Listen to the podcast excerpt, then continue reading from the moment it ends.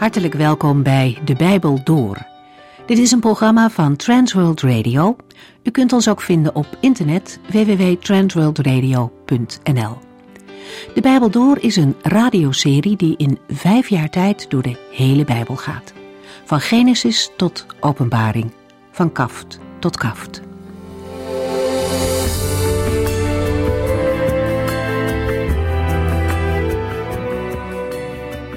Vandaag kunt u luisteren naar een gedeelte uit Openbaring hoofdstuk 14. We hebben al nagedacht over de eerste verse. Deze versen lopen vooruit op de definitieve overwinning van het lam. We zien hem in dit visioen staan als overwinnaar op de berg Sion. Maar hij is niet alleen. Bij hem staat een grote menigte mensen. Kenmerkend voor elk van hen is dat ze de naam van Christus en die van God de Vader dragen. Hij staat op hun voorhoofden geschreven. Vlak daarvoor, aan het eind van hoofdstuk 13, hebben we gelezen over mensen die een ander merkteken dragen: het getal van het beest. Het begin van Openbaring 14 onderbreekt alle oordelen en de gerichten over de aarde en de mensen die zich tegen God verzetten.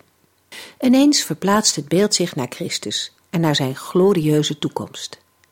Het is een bemoedigend hoofdstuk, vooral ook voor de gelovigen die lijden onder vervolging. In het vorige gedeelte lazen we nog dat zij niets konden kopen of verkopen, omdat ze het teken van het beest niet droegen. En ze werden gedood omdat ze het beeld van het beest niet wilden aanbidden. Dat is de moeilijke kant, het aardse perspectief. Maar er is meer. Er is ook een hemels perspectief dat verder reikt. Deze mensen zijn degenen die een plaats bij Christus hebben. Zij delen in zijn overwinning. Hun toekomst zal voor eeuwig goed zijn in tegenstelling tot die van degene die de andere merktekens dragen. Hier zien we ook voor het eerst dat het lam op aarde is en niet op Gods troon in de hemel. Hij staat op de berg Sion. Dat is de berg van de koninklijke genade, van Gods goedheid en barmhartigheid. Hier zal ook de zetel van de glorieuze regering van de grote zoon van David, de Messias, staan. Wij lezen verder in Openbaring 14 vanaf vers 5.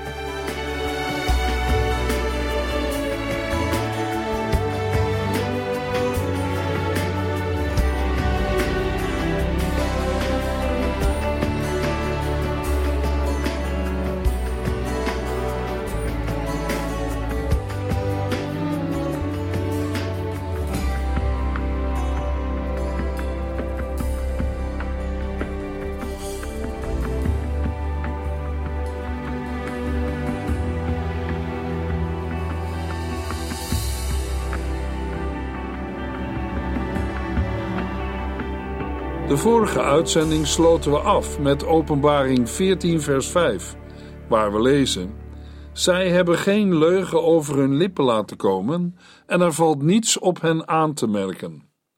De beschrijving in vers 5 is gebaseerd op Sefania 3, vers 13. We hebben het hoofdstuk in de vorige uitzending gelezen. In vers 13 wordt van het overblijfsel van Israël gezegd dat de overgebleven Israëlieten geen onrecht zullen plegen of liegen. In de Griekse tekst van Openbaring 14, vers 5 komen we de zinsnede tegen en in hun mond is geen leugen gevonden. De typering onberispelijk of zonder gebrek is een begrip dat herinnert aan de oud-testamentische offerdienst.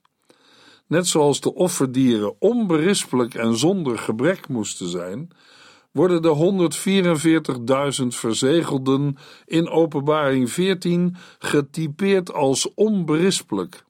Niet in de zin van volmaaktheid of zonderloosheid, maar in de zin dat ze beantwoorden aan het doel waarvoor ze bestemd zijn, namelijk een volkomen toewijding aan God en het Lam. In vers 5, maar ook in vers 4 klinken juist die ethische gedragscodes door, waardoor Joden en christenen zich positief onderscheiden van de in die tijd gangbare moraal. Zij hadden een hoge moraal op het gebied van huwelijk en seksualiteit en eerlijkheid in spreken en handelen. In Openbaring 14, vers 4 hebben we gelezen dat de 144.000 vrijgekochten van de aarde zuiver zijn gebleven en met niemand gemeenschap hebben gehad. In een andere Bijbelvertaling lezen we Deze zijn het die zich niet met vrouwen hebben bevlekt, want zij zijn maagdelijk. Deze zijn het die het lam volgen, waar hij ook heen gaat. Deze zijn gekocht uit de mensen als eerstelingen voor God en het lam. Over de betekenis van deze woorden hebben we al gesproken in de vorige uitzending en gezien dat er onder Bijbeluitleggers in grote lijnen twee opvattingen zijn, namelijk een letterlijke en een geestelijke. Ik denk dat we met beide opvattingen rekening moeten houden. De grote verdrukking is een periode van onvergelijkbaar lijden. De heer Jezus zegt in Matthäus 24, vers 21: Want er zal een onderdrukking zijn, zoals de wereld nog nooit heeft gekend, en zoals ook nooit meer zal terugkomen. De 144.000 zijn door die periode heen gegaan.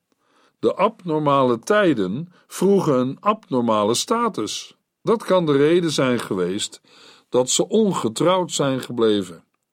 Wij kennen dezelfde reacties van mensen die een oorlog moesten meemaken.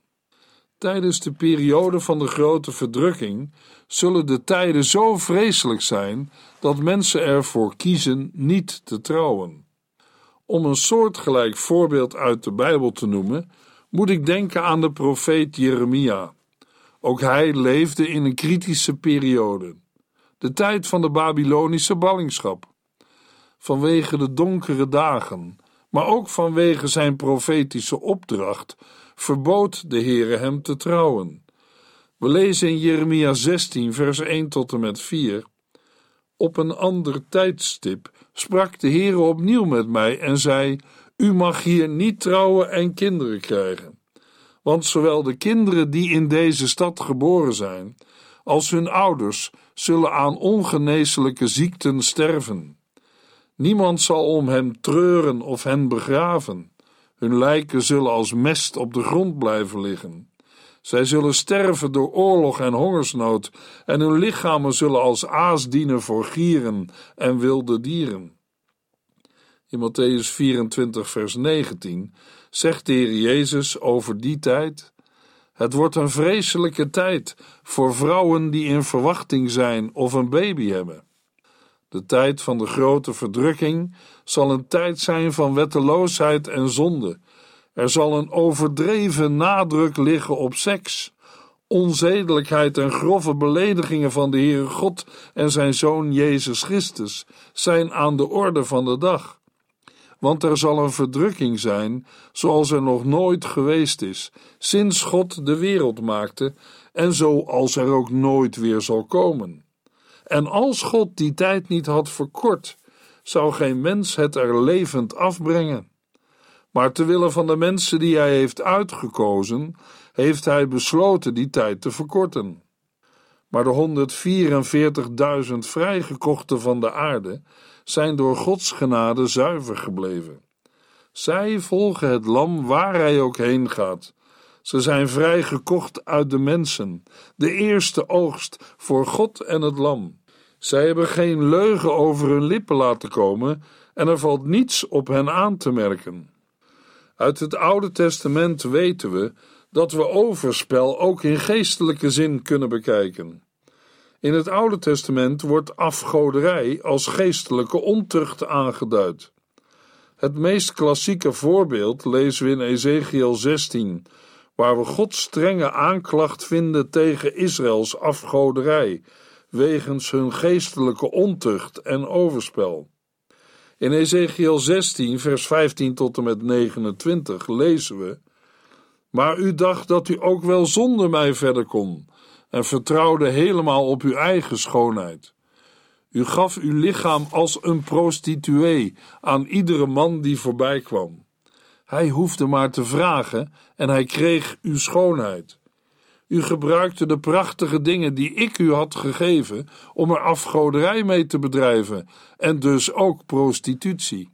Zoiets is nog nooit eerder gebeurd. U nam de juwelen en de gouden en zilveren sieraden die ik u had gegeven en maakte er mannelijke afgodsbeelden van, waarmee u prostitutie bedreef. U gebruikte de prachtig bewerkte kleding die ik u gaf om uw afgodsbeelden mee aan te kleden. Met mijn olie en reukwerk vereerde u hen. Voor hen, denk het u eens in, zet u het fijne meel, de olie en de honing neer die ik u gaf. U gebruikte het als een heerlijk offer aan hen. De zonen en dochters die u voor mij ter wereld had gebracht, offerde u als voedsel aan uw goden. Ze zijn er niet meer. Was het al niet erg genoeg dat u een prostituee was? Moest u mijn kinderen ook nog ombrengen in het vuur van heidense altaren? En in al die jaren van overspel en zonde hebt u geen moment aan de dagen van vroeger gedacht, toen u naakt was en met bloed besmeurd. En toen, naast al uw andere goddeloosheid, wee u, zegt de oppermachtige Heere, bouwde u voor uzelf een heidens altaar en offerplaatsen in elke straat. Daar maakt u uw schoonheid te schande door uzelf schaamteloos aan iedere man aan te bieden. Onafgebroken bedreef u prostitutie. En ook met Egypte, uw wellustige buren, bedreef u prostitutie. En u deed dat om mij te kwetsen. Daarom heb ik u geslagen met mijn vuist.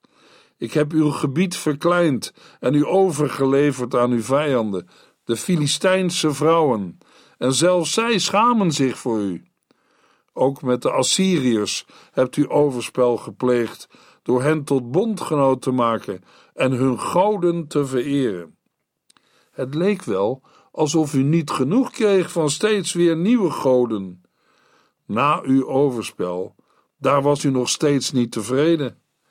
Daarom begon u ook nog de goden van het grote handelsland Babel te aanbidden. En nog was u niet tevreden. De Heere zegt tegen zijn volk: U bent een overspelige echtgenote.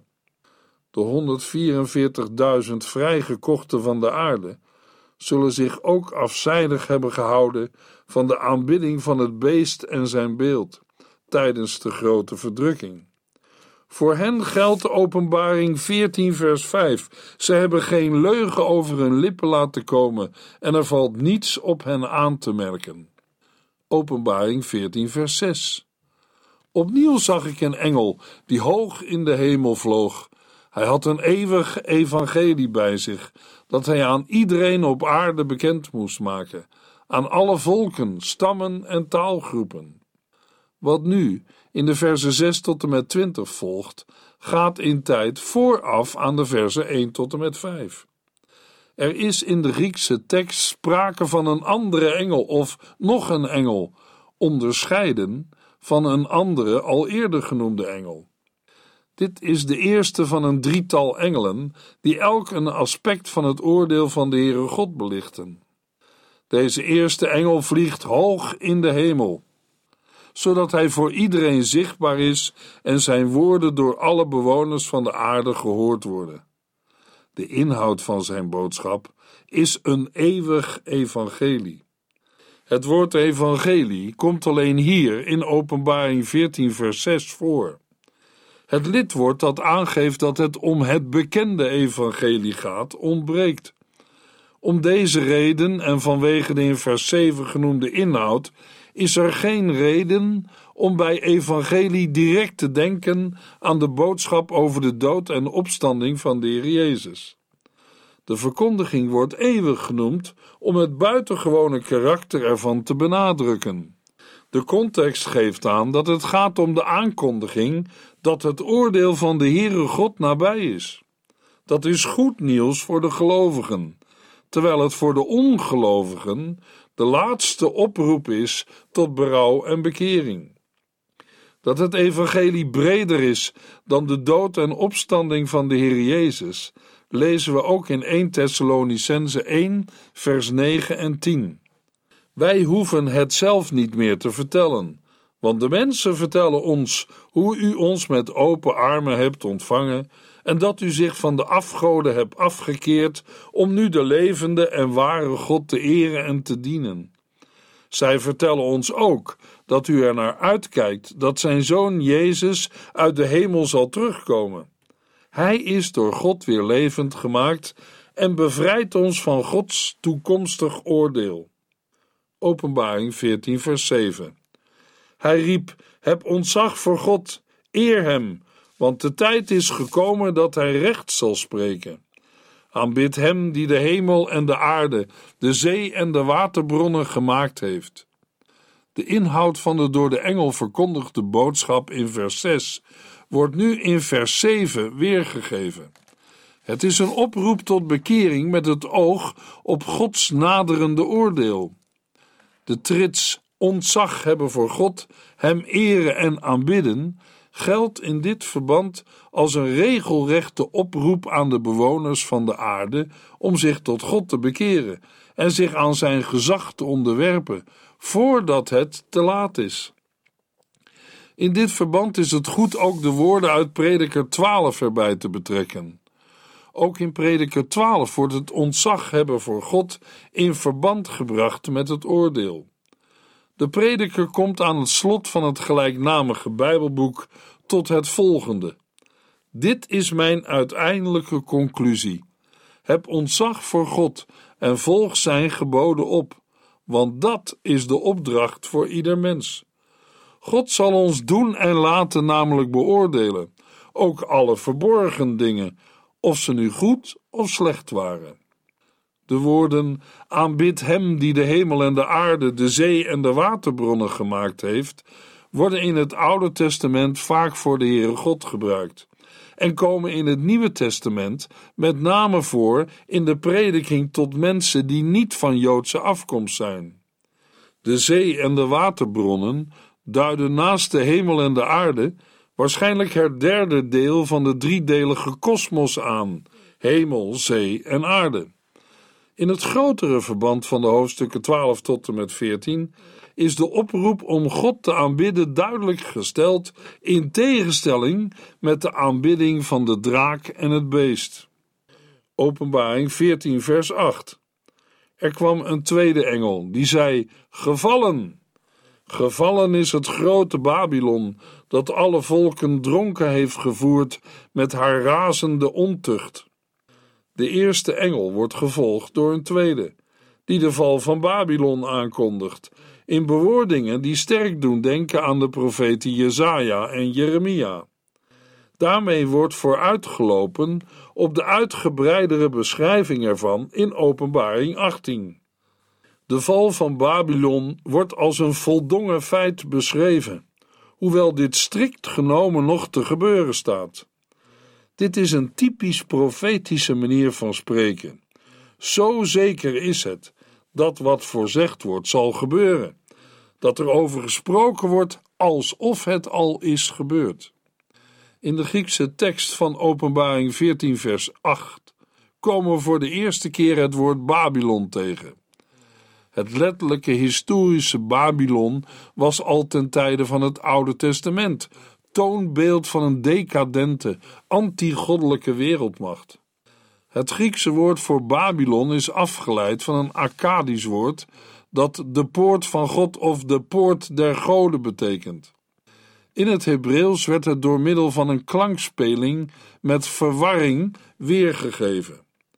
Babylon, de naam kan zowel de stad als het land aanduiden, was in de tijd van het Oude Testament een van de grote wereldrijken. Het werd en was voor het Joodse volk in de eerste plaats en vooral het verbanningsoord. In de Bijbelboeken van Jesaja en Jeremia is Babylon het symbool bij uitstek van een decadente anti-goddelijke wereldmacht. Het kan zijn heerschappij alleen maar uitvoeren omdat God het als een instrument gebruikt om er zijn volk mee aan te pakken. Maar de ondergang van Babel is onvermijdelijk, omdat het zich tegen God verheft en van mening is onoverwinnelijk te zijn. Afgezien van de verwijzingen naar de Babylonische ballingschap, komt de naam Babylon in het Nieuwe Testament alleen voor in het Bijbelboek Openbaring en in 1 Petrus 5, vers 13. In het Bijbelboek Openbaring is Babylon een symbolische aanduiding voor de stad Rome. Dat blijkt onder meer uit Openbaring 17, vers 9. Rome was haast spreekwoordelijk de stad van de zeven heuvelen. Het blijkt ook uit Openbaring 17, vers 18, waar we lezen: De vrouw die u zag, is de grote stad die de koningen van de aarde in haar macht heeft. Bovendien vindt dit bevestiging in Joodse bronnen uit diezelfde periode die Rome ook associëren met Babylon. Babylon of Rome wordt vergeleken met een hoer. In Openbaring 17, vers 5 lezen we: Het grote Babylon, de moeder van alle hoeren en van alle gruwelijkheden in de wereld. Babylon maakt zich schuldig aan vrede vervolging van gelovigen en occulte praktijken. Babylon is de grote tegenhanger van het hemelse Jeruzalem dat uit de hemel naar beneden komt. Omstreden is de vraag of Babylon in 1 Petrus 5 vers 13 het letterlijke Babylon in Mesopotamië aanduidt of dat het een bedekte aanduiding van Rome is. Mede ook gezien de werkzaamheden van Petrus in Rome. Hij heeft daar volgens het eensluidend getuigenis van de vroege kerk gewerkt en is er ook de marteldood gestorven.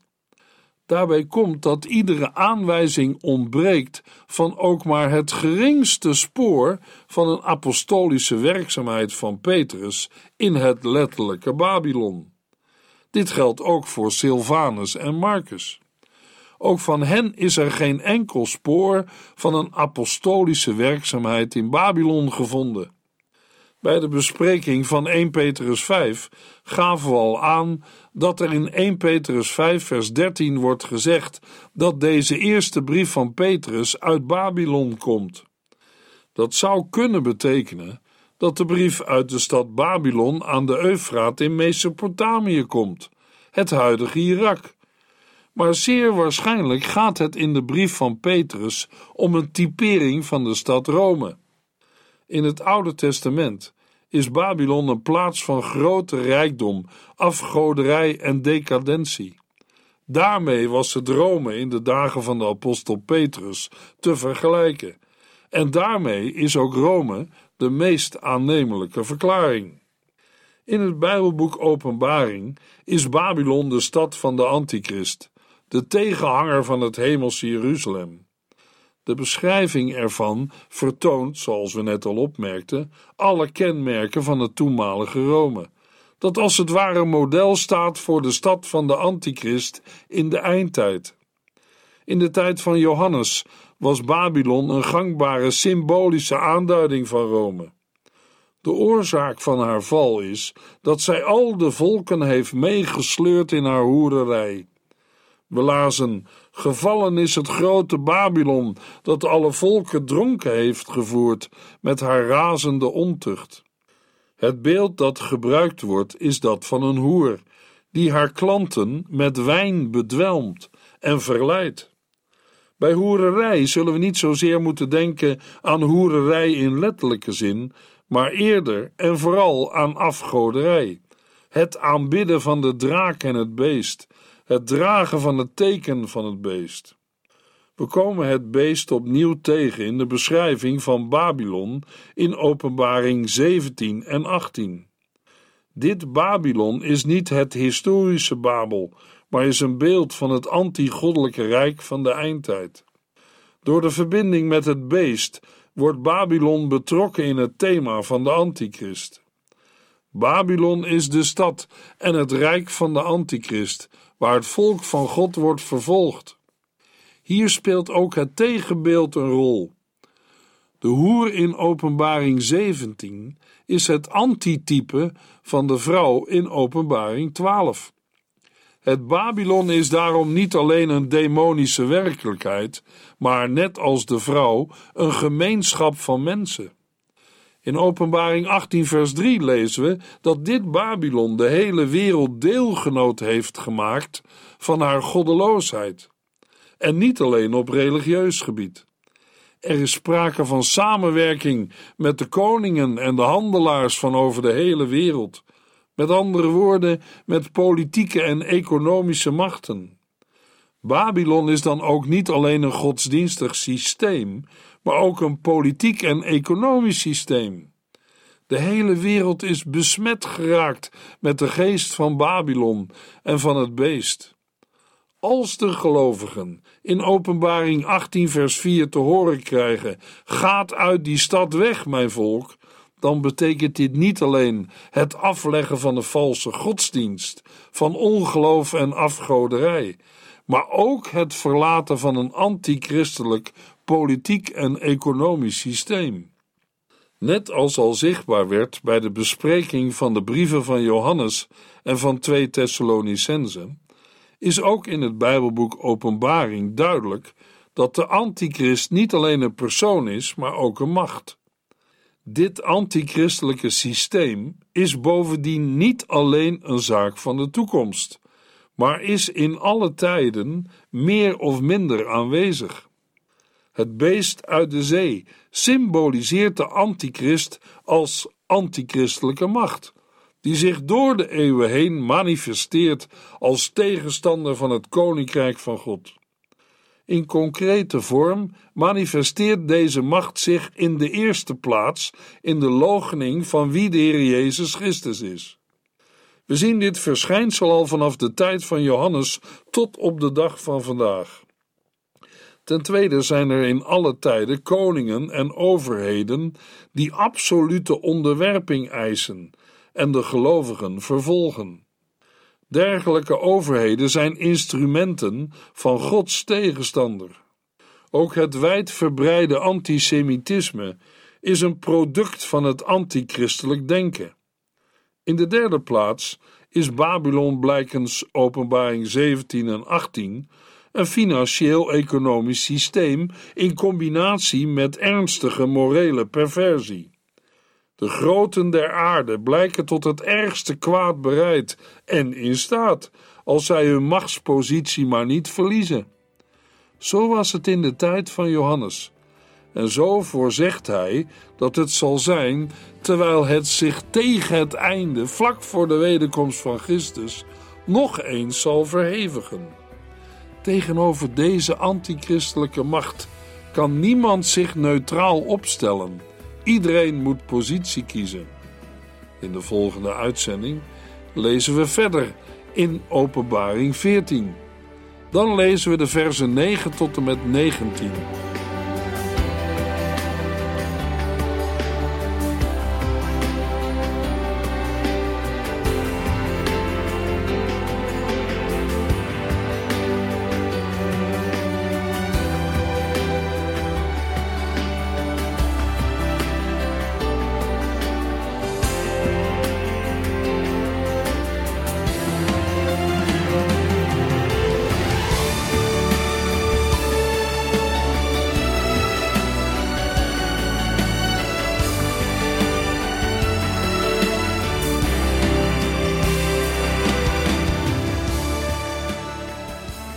Sinds kort kunt u een USB-stick bestellen met alle uitzendingen en de teksten van de Bijbel door. Ons adres volgt in de afkondiging. En hier eindigt deze aflevering van De Bijbel Door. Een serie programma's van Transworld Radio. Wilt u ons iets vragen of meer weten? Dan kunt u altijd contact met ons opnemen. Bellen kan overdag met 0342 478432. Per post Transworld Radio, postbus 371, postcode 3770, Anton Johannes in Barneveld. En e-mailen kan ook. De Bijbel door at transworldradio.nl En natuurlijk ook via onze website transworldradio.nl Dit programma werd gepresenteerd door Cor Weda en Ike André. En namens iedereen die er nog meer aan meegewerkt heeft, graag tot de volgende keer.